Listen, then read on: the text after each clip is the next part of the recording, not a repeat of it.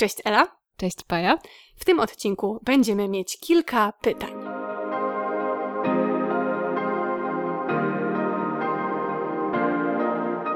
Cześć w kolejnym odcinku naszego podcastu. Bardzo się cieszymy, jak zwykle, że jesteście z nami. Zaczniemy od ogłoszeń, które pewnie już dobrze znacie. Po pierwsze, chciałyśmy bardzo podziękować wszystkim osobom, które wystawiły nam ocenę w serwisie Spotify. Bardzo dziękujemy wszystkim osobom, które już to zrobiły i jeśli to jeszcze jest przed Wami, to bardzo Was prosimy o to, żeby nas ocenić pięciogwiazdkowo. Dzięki temu będziemy mogły trafiać do innych osób, które interesują takie tematy jak te, które poruszamy w naszych odcinkach. No i przypominam, że mamy konto w serwisie Patronite.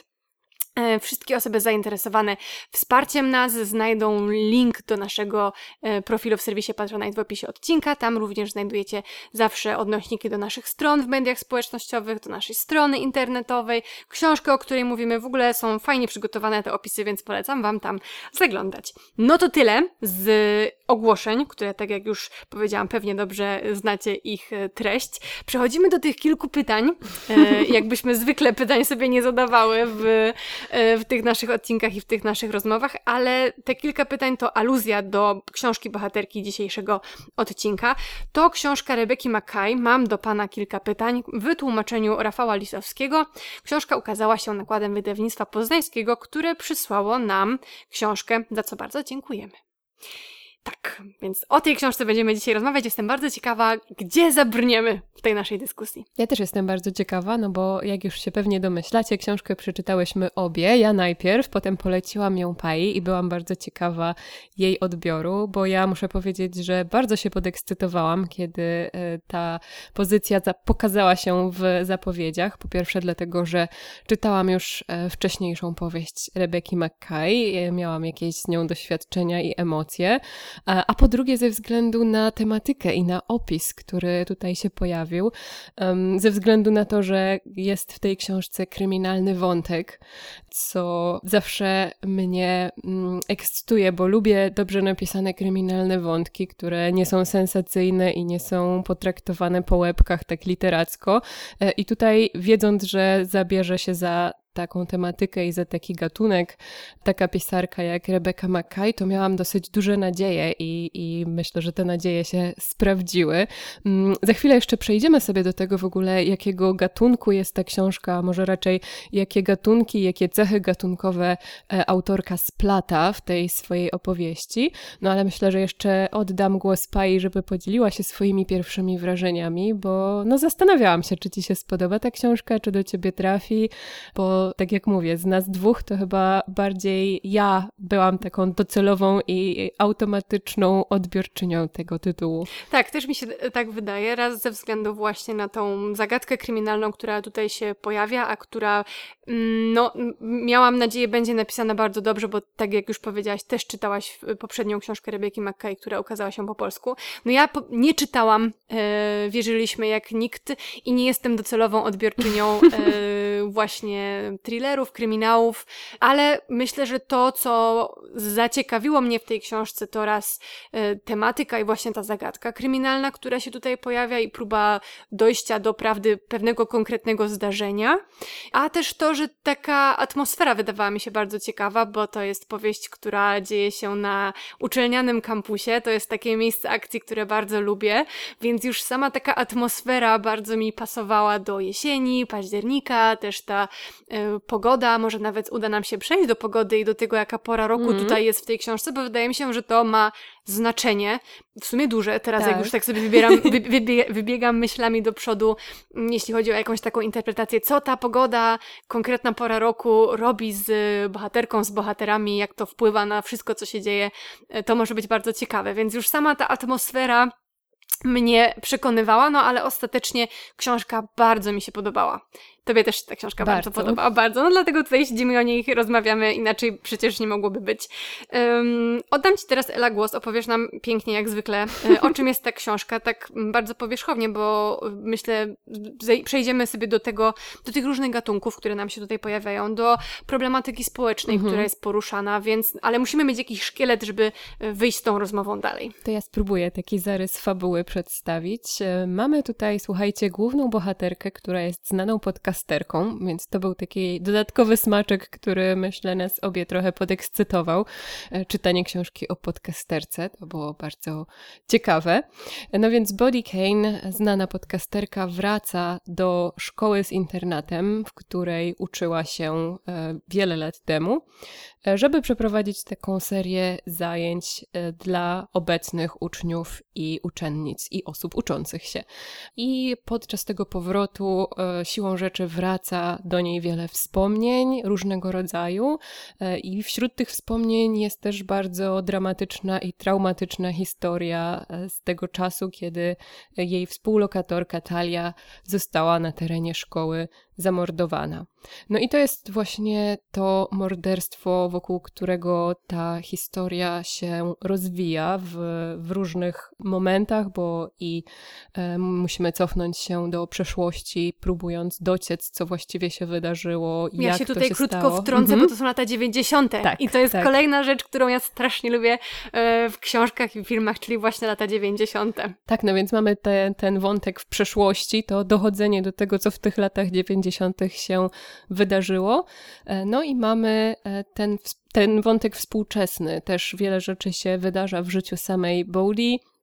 No ale też ciągle jest e, to, ta, ta próba rozwikłania tego, e, co się wydarzyło, co się wydarzyło konkretnie z Talią, co się stało e, w dniu jej śmierci, kto ją zabił, ale też pojawiają się wokół tego inne pytania już, jak tak tytułem tutaj szafujemy, właśnie te pytania, myślę, że to też jest coś bardzo ciekawego i zaraz sobie do tego przejdziemy, jakie to jeszcze są pytania, bo moim zdaniem nie jest to tylko takie typowe kryminalne pytanie, kto zabił i nawet dlaczego zabił, ale tych pytań jest dużo, dużo więcej.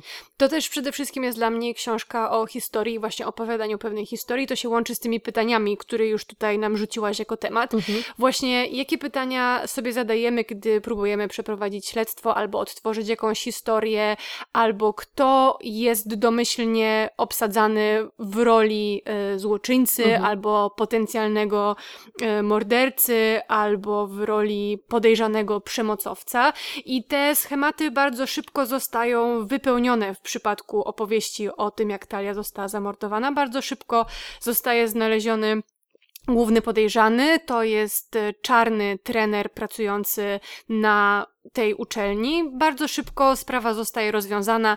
To musiał być on, jeszcze związany, wy- wydaje się, że handlował narkotykami, dawał im dostęp uczniom do narkotyków, więc znowu taki e, aspekt obciążający. Więc wszystko bardzo szybko, poszczególne elementy układanki, jakiejś takiej bardzo stereotypowej, e, zostają ułożone. Pytania, które padają, nie są pogłębione, e, nie poszczególne osoby, które prowadzą to śledztwo, nie zadają sobie trudu, żeby dociekać albo kwestionować, albo zastanawiać się nad tym, czy to, co słyszymy, jest tą prawdziwą historią, czy jakąś sfabrykowaną, opowiedzianą przez kogoś innego, żeby ukryć prawdziwego winowajcę. Więc te pytania, które sobie zadajemy, są mm, właśnie z początku, wydaje się, Body Kane mówi, że właściwych pytań nie zadano, a ona jest Mhm. podcasterką, która opowiada historię o przemocy w Hollywood. Opowiada historię kobiet, które zostały przez Hollywood skrzywdzone, aktorek, które były wykorzystywane seksualnie, którym nie wierzono, kobiet w Hollywood, które ze, z różnych powodów doświadczały różnego rodzaju przemocy, które próbowały opowiedzieć swoją historię, ale o które nikt nie pytał, którym nikt nie zadawał pytań o historię ich życia, o to, jak się czuły, co robiły, jak one postrzegają swoją własną historię. Więc mamy tą Body Kane podcasterkę, która zadaje bardzo dociekliwe pytania na temat e, cudzego życia. I teraz wracając na kampus, e, wracając do swojej szkoły, zaczyna zadawać sobie pytania o własne życie i o to, jaka ona była właśnie w tej przeszłości, kiedy mamy te retrospekcje, jaką ona była osobą, e, jakie ona relacje tworzyła i kim była w tej grupie nagle podejrzanych osób, kiedy się okazuje, że to śledztwo mogło nie zostało najprawdopodobniej źle przeprowadzone i najprawdopod- najprawdopodobniej niewłaściwa osoba została oskarżona. I teraz trzeba zadać sobie pytanie, gdzie ja w tym byłam i jaką rolę w całej tej sytuacji odegrałam. Masz rację, tutaj jest bardzo, bardzo dużo pytań różnego rodzaju, e, które pojawiają się albo nie zostają zadane, albo które my jako czytelnicy i czytelniczki sobie możemy zadawać. Mm, I też to trochę miałam na myśli, kiedy mówiłam, że te pytania są bardzo różne i zarówno takie, które zwykle padają e, w kryminałach, czyli właśnie kto zabił i dlaczego zabił, e, w takim sensie gdy dociekamy mm, motywu danego mordercy, ale tutaj te pytania też wychodzą dużo szerzej. Właśnie z jednej strony mm, w to środowisko, w to, e, jak wyglądały te relacje, kto z Talią w ogóle miał coś wspólnego i w jaki sposób, ale też są takie pytania, które myślę sięgają szerzej w jakiś kontekst społeczny i w to, jak e, wyglądała sytuacja w latach 90. i to spojrzenie już z perspektywy czasu, na przykład po tym, jak pojawił się ruch MeToo i e, tego typu przemiany, pozwala właśnie zadać pytania, które wtedy w ogóle nie tylko nie wybrzmiały, ale też myślę, że w głowach wielu osób osób, wielu kobiet jeszcze się nie pojawiły, czyli właśnie nie tylko kto zabił Talię i dlaczego, ale też jak wyglądała sytuacja społeczna kobiet i młodych dziewcząt, e, co sprawiało, że niektórzy byli bezkarni, co sprawiało, że o niektórych aktach przemocy w ogóle się nie mówiło albo e, w ogóle nie traktowało się ich jako aktów przemocy, e, że niektóre rzeczy pomijało się po prostu milczeniem albo uznawało się za jakąś oczywistość, coś, co, co trzeba przecierpieć. Jak to wpływało na całe społeczności, zwłaszcza takie zamknięte społeczności, jak szkoła z internatem, która zresztą jest położona w lesie, w ogóle odcięta od cywilizacji, można powiedzieć, więc mamy znowu coś, co bardzo lubimy, czyli taką społeczność, która trochę funkcjonuje w zamknięciu i w oddaleniu od od reszty. No więc znowu kolejne pytanie, jak ta społeczność kara swoich winnych, albo czy to robi, czy może właśnie próbuje jakoś e, zachować twarz, zachować honor i dalej w tym odcięciu od świata funkcjonować, byle e, ten zewnętrzny świat nie dostrzegł różnych wad i, i różnych zbrodni, które tam się pojawiają, więc tych pytań jest bardzo, bardzo dużo i one właśnie myślę, że sięgają coraz dalej i e, dotyczą już nie tylko tej konkretnej sprawy i tego konkretnego morderstwa, ale sytuacji, które bardzo często się pojawiają i się powtarzają w naszych społeczeństwach.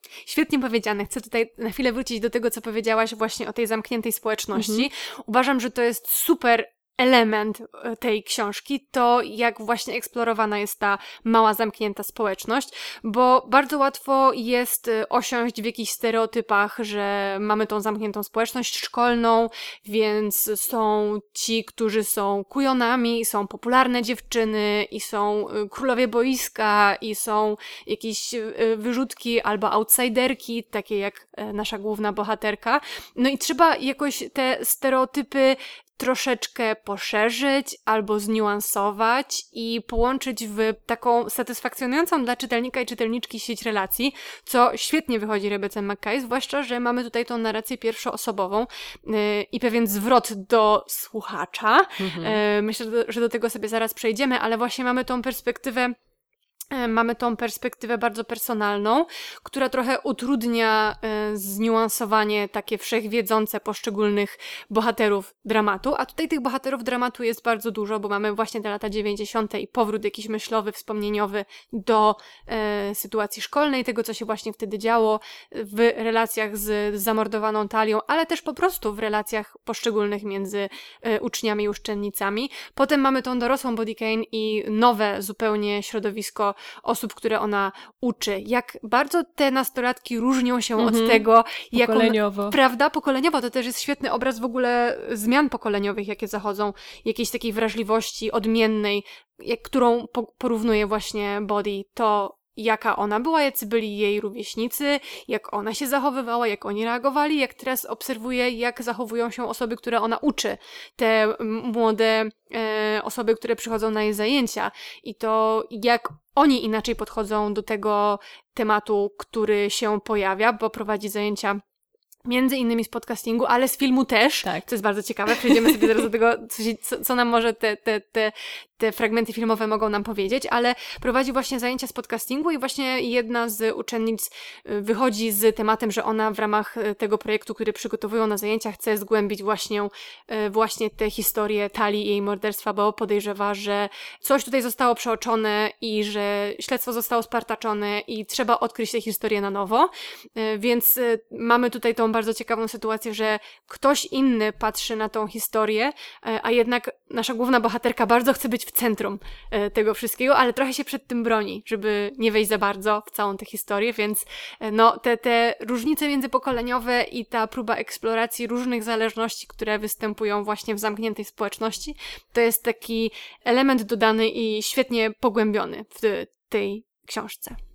Jak już mówisz o różnicach pokoleniowych i w ogóle o takiej zmianie społecznej, która zachodzi z czasem i którą Bowley obserwuję, to myślę, że to też jest dobry moment, żeby przejść do innych tematów i innych pytań, które e, tutaj się pojawiają i które autorka nam zadaje, a które właśnie ostatnio w podcaście często nam się w sumie pojawiają. Mam wrażenie, że to jakiś w tym roku jest też taki powracający temat, bo mam teraz na myśli internet i to, co się dzieje w internecie i w ogóle w mediach e, różnego rodzaju, no bo tak jak już powiedziałyśmy sobie, Bowley prowadzi podcast i jest też e, osob osobistością e, swego rodzaju, popularną w mediach, jest tam obecna, mm, ten podcast jest tam promowany i tak dalej. Ma sponsorów, więc to już jest wielka rzecz. Właśnie. Jest też postać, pojawia się postać jej męża, który z kolei jest artystą, więc też jest osobą publiczną E, no i właśnie to istnienie ich e, w mediach i to, jak działa, działają media, jak w ogóle odbywa się dyskusja e, w mediach, czy w ogóle można to nazwać dyskusją, to jest też jeden z, z tematów, który się tutaj pojawia i mam wrażenie, że on jest bardzo ciekawie wprowadzony i bardzo zniuansowany, który pokazuje właśnie, pokazuje jak złożone czasami są niektóre kwestie i jak bardzo na tę złożoność nie ma miejsca w przestrzeni internetowej. Tak, ja y, przytakuję tutaj, e, bo cieszę się, że udało nam się przejść do tego tematu. To też jest właśnie świetne porównanie, prawda? Ten brak e, tych mas środków masowego przekazu i brak tego medium, jakim był internet właśnie w latach mhm. 90. E, i to, jak mocno obecność różnych głosów postronnych wpływa na to, co się dzieje z tym śledztwem po latach, prawda? Gdzie tak. są na Reddicie są wątki poświęcone tej sprawie, są różni youtuberzy, którzy komentują otwarcie tego śledztwa i wszyscy ci, którzy w komentarzach się pojawiają ze swoimi opiniami, chociaż nie mają pojęcia o czym piszą, e, ale wszyscy są upoważnieni, czują się upoważnieni do wyrażenia własnego zdania.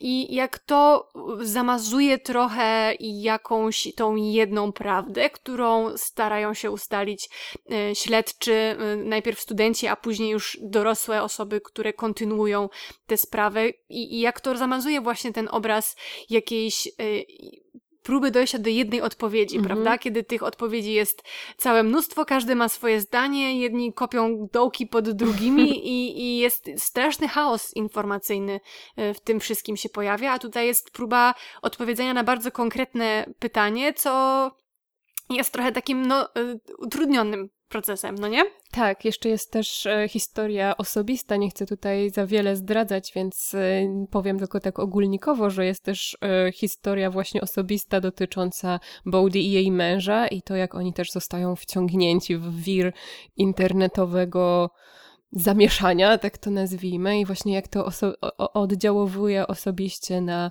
e, konkretne jednostki na całe ich życie, na ich stan emocjonalny i tak dalej, więc e, te, te internetowe wątki i w ogóle medialne wątki e, też mają różne odsłony i różne postaci. Takie mm, dwa życia w Takie sumie dwa życia. prawda? Tak, Bo tak. ona jest kimś innym, kiedy jest w tym odciętym środowisku, kiedy mhm. wraca do szkoły, jest w tej odizolowanej społeczności, siedzi w tym lesie, w zimie i z nikim nie ma kontaktu poza tak. tą społecznością uczniowską. I to jest to jedno życie, a to drugie życie prowadzi w internecie, gdzie trwa właśnie zamieszanie dotyczące jej męża, jej samej, yy, gdzie dzieje się zupełnie coś innego, co dzieje się w jej życiu w realu, prawda? To takie rozdzielenie tych dwóch mm, światów, tych dwóch miejsc, tych dwóch różnych głównych bohaterek, bo one z kimś innym tam na kampusie, a jest kimś innym w internecie, więc to jest bardzo ciekawe. Tak, i jeszcze wracając do tego, co powiedziałaś przed chwilą, że e, też e, odnośnie do tego śledztwa jest tyle głosów w, internecie i w ogóle w przestrzeni publicznej, to myślę, że to jest kolejny taki e, ciekawy temat, gdzie znowu trudno jest udzielić jednoznacznej odpowiedzi.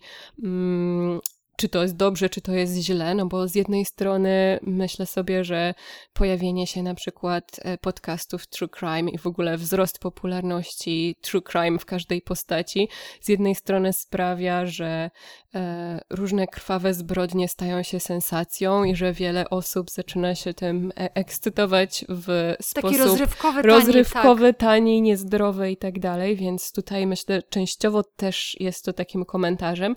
Z drugiej strony, tak jak powiedziałam, powiedziałaś, no ta przestrzeń pozwala na zadawanie pytań, znowu tych tytułowych pytań, e, których e, wcześniej nikt nie zadał i może być ta internetowa społeczność, e, jakkolwiek autentyczne lub nieautentyczne jest jej oburzenie, ona może być jakimś środkiem nacisku, e, które właśnie wpływa na osoby decyzyjne faktycznie w tej sprawie e, i wywiera presję, żeby wreszcie te pytania, których nikt dotąd nie zadawał, wybrzmiały i żeby znaleźć na nie odpowiedzi. Więc znowu tu jest taki duży rozdźwięk, myślę, jeśli chodzi o tą obecność w ogóle tych zbrodni E, i tych tematów. I tego, jak są opowiadane, Tego, prawda? jak są opowiadane, tak, w przestrzeni publicznej. Też dla mnie w ogóle e, bardzo e, dobrym zabiegiem i bardzo takim poruszającym zabiegiem jest to, jak autorka wplata mm, powszechność, taką informację jakby o powszechności tego typu zbrodni i tego, jak one na każdym kroku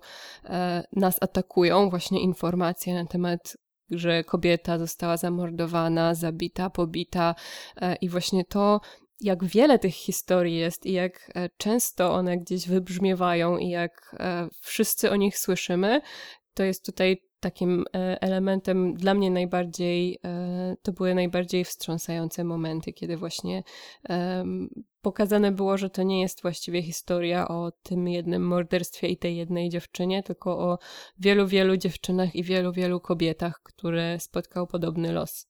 Tak, bo ta książka się tak zaczyna, prawda? I w mhm. pewnym, co jakiś czas pojawia się właśnie ten motyw, że tej powszechności, tak. tej przemocy, gwałtów, ataków seksualnych i tak dalej. I też, że znowu to, co powiedziałeś, jakimś takim y, uniwe pewnej uniwersalnej opowieści o zbrodni, o tym, że to się staje raz tak powszechne, że przestajemy zwracać na to uwagę, albo dwa, zostaje wykorzystane jako jakiś taki tani zabieg narracyjny, żeby podekscytować i już zaraz szukać kolejnej podobnej treści bez jakiegoś głębszego namysłu nad tym, co się tak naprawdę dzieje.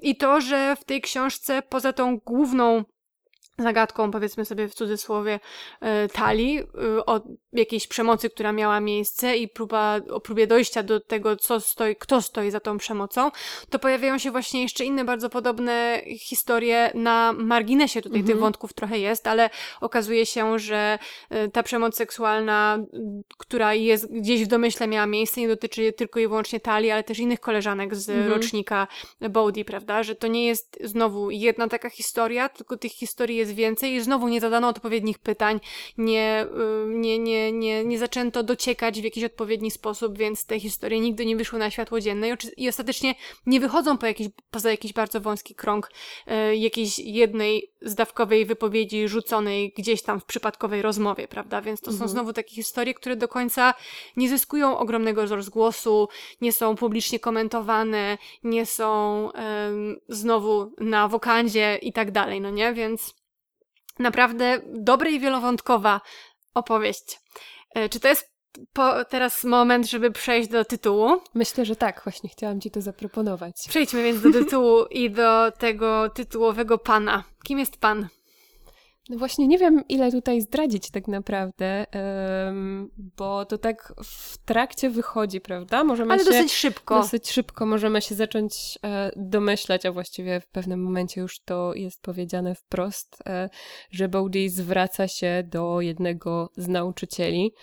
no i to jest właśnie to, o czym już wspominałam, czyli że kiedy patrzy na sytuacje, w których się znalazła ona i jej koleżanki z perspektywy czasu, to zaczyna postrzegać to zupełnie inaczej niż wtedy, kiedy była w szkole. I to z różnych względów, nie tylko dlatego, że teraz już jest dorosła i dojrzała i ma za sobą pewne doświadczenia, które pozwalają jej e, lepiej ocenić, co jest w porządku, co jest nie w porządku, e, ale też właśnie ze względu na te zmiany, które miały miejsce społecznie i na ten postęp jednak w postrzeganiu pewnych spraw, który się dokonał. No więc ona teraz, jako ta dorosła kobieta, mm, jako była uczennica i jako osoba właśnie zaangażowana mocno w to śledztwo, zadaje te pytania panu e, nauczycielowi. Tak, wiesz, z czym mi się skojarzyło od razu e, ten zabieg i, i, i to, ten zwrot do osoby, która potencjalnie może być sprawcą przemocy? Powiedz. Z opowiadaniem Margaret Atwood Rape Fantasies. Mhm. Pamiętasz to opowiadanie? Pamiętam. To jest niesamowite opowiadanie, gdzie mamy główną bohaterkę, która spotyka się ze swoimi koleżankami. E, o ile dobrze pamiętam, chyba w coś grają, albo mhm. są na herbacie, na drinkach, coś takiego i zaczynają rozmawiać właśnie o przemocy i o fantazjach na temat gwałtu e, i o tym, czy mają takie fantazje i toku ich rozmów wychodzi na to, że tak naprawdę to, o czym mówią, nie jest gwałtem, tylko jakąś ideą romantycznej miłości, więc ten gwałt nie jest tym, e, czego byśmy się spodziewali po, po, po samym tytule, ale to, co jest niepokojące, to właśnie jest ten zwrot do adresata, który cały czas pojawia się w mm -hmm. tym mhm. opowiadaniu, bo mamy pewne you, pewnego ty i to świadomość, że na końcu jest całkiem prawdopodobne, że ta nasza główna bohaterka w tym opowiadaniu opowiada o tych y, fantazjach o gwałcie przypadkowemu mężczyźnie, którego spotkała w barze, prawda? Mhm. Więc ten zwrot do mężczyzny, który potencjalnie może być agresorem i to zaufanie, które się w nim pokłada, że może nie, może jest w porządku, może teraz jak sobie porozmawiamy, to nie zrobisz mi nic złego, y, bo przecież to, co ci opowiadam, nie jest tak naprawdę historią o przemocy. Od razu mi się to skojarzyło, właśnie ten zwrot do mężczyzny, który może być potencjalnie źródłem przemocy, agresorem. Naprawdę, od razu mi to przyszło do głowy.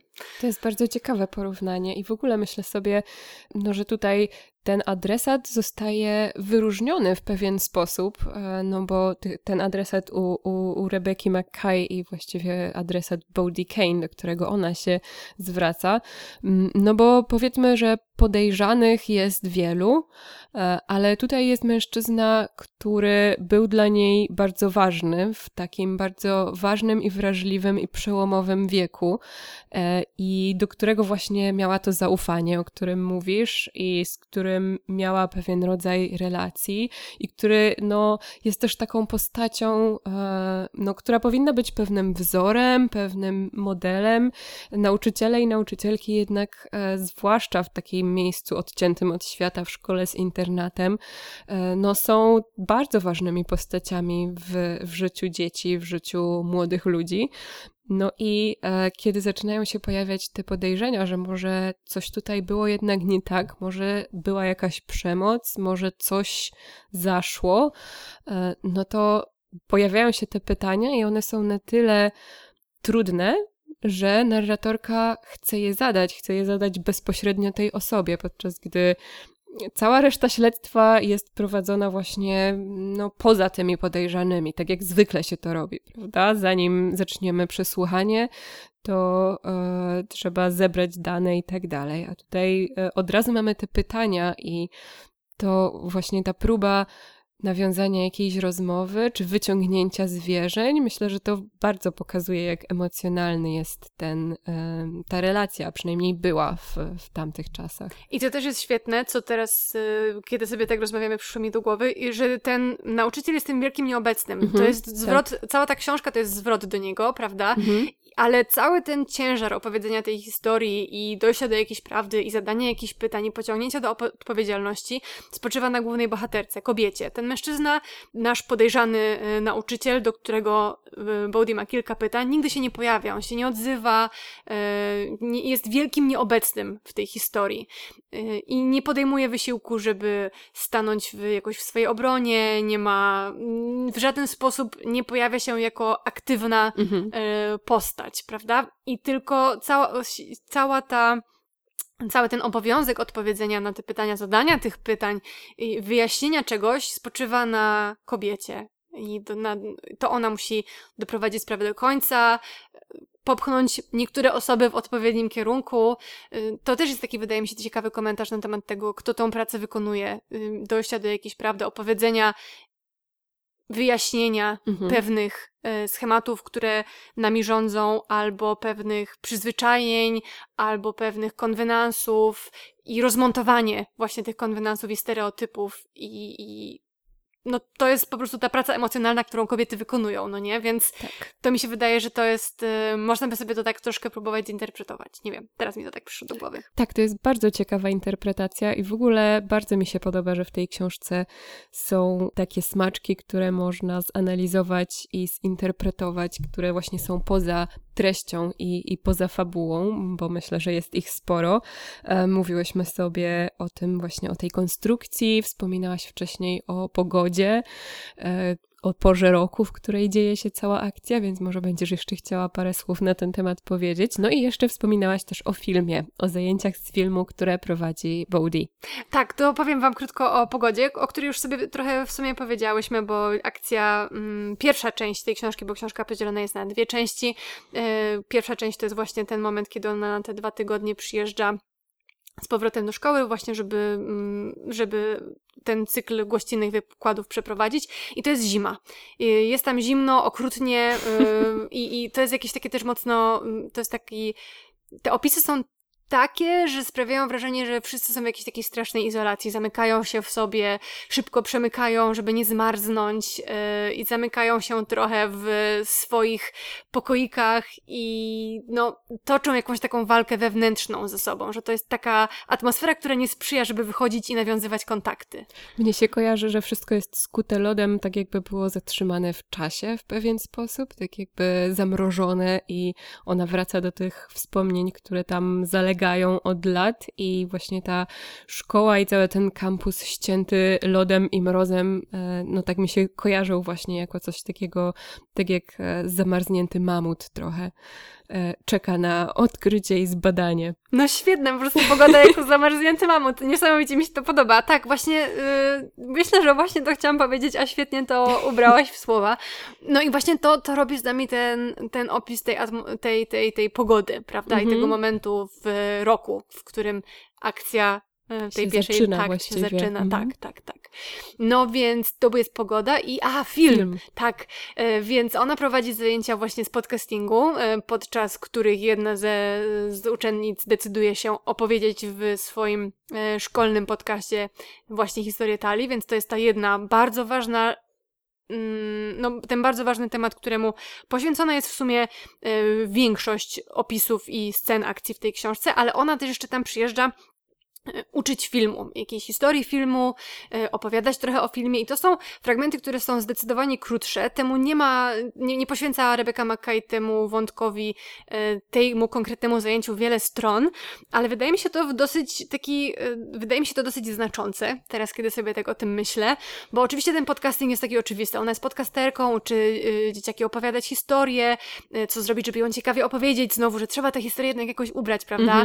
I jakoś pociągnąć za sobą tego słuchacza, ale zrobić to w taki sposób, który właśnie nie jest sensacyjny, o tym sobie też już dużo powiedziałyśmy. No ale jest ten film i tutaj y, ona często uczy y, te dzieciaki sztuki montażu. Pokazuje im, jak film jest zmontowany mhm. i jak działa montaż na opowiadaną historię. I to mi się wydaje turbo znaczące dla tego, co próbuje nam powiedzieć Rebecca McKay w tej książce. Właśnie z czego montujemy daną historię i z jakiej perspektywy ta, y, jak ta kamera jest poprowadzona i co właśnie właśnie poszczególne zabiegi montażowe mogą nam opowiedzieć e, o e, filmie i o historii, która jest w nim przedstawiona. I tak jak mówię, to nie są długie fragmenty te poświęcone konkretnie filmowi, ale wydaje mi się, że to jest też takie e, znaczące i też może nam trochę pomóc interpretacyjnie w, w rozszyfrowaniu właśnie no jakiś takiego, jakiegoś takiego przesłania, które być może Rebecca McKay w tej książce ma, więc te zajęcia o filmie, no chciałam to o nich powiedzieć właśnie. No to też bardzo rezonuje z tym, e, o czym jest jej podcast osobisty, prawda? Tak jak powiedziałaś o e, gwiazdach Hollywoodu, kobietach, które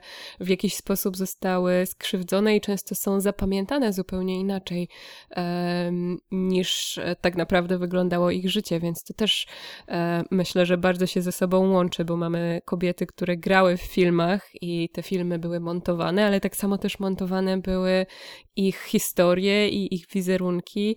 E, no myślę, że cały czas jeszcze odkrywamy, jak czasami błędne są nasze przekonania na temat tego, jak wyglądało życie i kariera chociażby gwiazd takiego pokroju jak Marilyn Monroe e, i, i wielu, wielu innych kobiet, więc ten montaż też właśnie dotyczy nie tylko samego filmu, ale też właśnie życia, historii i to nie tylko tych aktorek. Znowu możemy iść coraz szerzej, coraz szerzej. Myślę, że to jest coś, co, co Rebecca Mackay robi świetnie, że ona pokazuje nam coś na bardzo konkretnym przykładzie, a potem jak pociągnie ciągniemy za jedną niteczkę, to okazuje się, że e, kłębek jest ogromny i e, właściwie to z tymi samymi obserwacjami możemy wyjść zupełnie dalej i e, dużo bardziej generalne mm, wnioski wyciągnąć.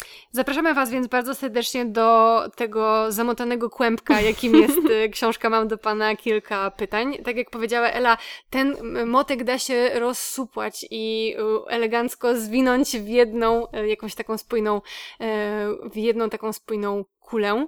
E, I no, dużo jest tutaj jeszcze elementów, nad którymi mogłybyśmy się pochylić, ale już trochę sobie o tej książce rozmawiamy, więc myślę, że to rozplątywanie zostawimy e, Wam. Też zakończenie było dla mnie bardzo satysfakcjonujące, no ale oczywiście nie powiemy, Oczywiście, że nie powiemy, jakie jest zakończenie, zostawimy Wam to do odkrycia, ale właśnie tak w ramach podsumowania, dobrze, że o tym wspomniałaś, o tym zakończeniu i też o tej satysfakcji płynącej e, z lektury, bo ja chciałam powiedzieć na koniec coś, co Pisał też tłumacz Rafał Lisowski, zresztą tłumaczenie jak zwykle jest świetne. Bardzo polecam też na zwrócenie uwagi na różne rozwiązania tłumaczeniowe, jeśli to Was ciekawi.